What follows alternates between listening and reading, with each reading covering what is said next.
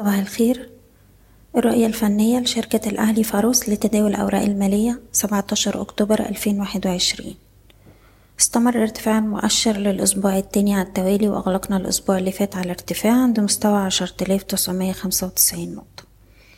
الصعود كان مدعوم بشكل رئيسي بأداء سهم البنك التجاري الدولي وفوري والقبضة الكويتية لكن في نفس الوقت كان في تحسن في أداء الأسهم الكبيرة عن أداء الأسهم الصغيرة والمتوسطة.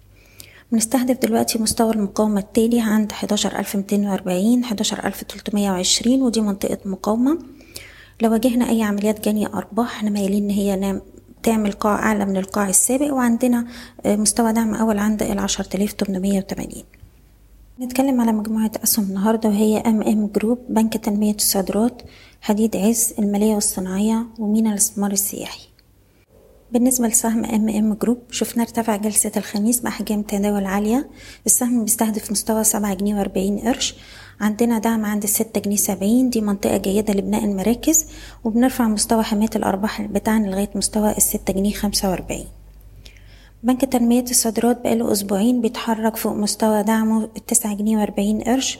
السهم بيستهدف مستوى العشرة جنيه والعشرة ونص. طول ما إحنا محافظين على مستوى التسعة جنيه وأربعين قرش. بالنسبة لسهم حديد عز بنركز على مستوى المقاومة 13 جنيه وتمانين قرش. ده بالنسبة لنا ال trigger بتاعنا دلوقتي لو شفناه بيتكسر بأحجام تداول عالية هتبقى إشارة شرائية والسهم هيروح يجرب على مستوى الخمستاشر جنيه. سهم المالية والصناعية بقاله آه تلات أسابيع محافظ على مستوى دعمه ال 12 جنيه وبيعمل قاع أعلى من القاع السابق. عندنا دلوقتي مستوى مقاومة و trigger عند التلاتاشر جنيه ونص. اختراقه بأحجام تداول عالية هيبقى إشارة شراء ويستهدف مستوى الأربعتاشر ونص والخمستاشر جنيه. أخيرا سهم مينا الاستثمار السياحي. السهم دلوقتي بيختبر منطقة دعم ما بين جنيه ونص جنيه خمسة وأربعين. المنطقة دي جيدة لبناء مراكز فيها وهنشوف منها ارتداد يودينا لغاية مستوى الجنيه سبعين قرش واختراقه مستوى الجنيه تسعين قرش. ودي الأسهم اللي كانت معانا بنتمنى لكم كل التوفيق.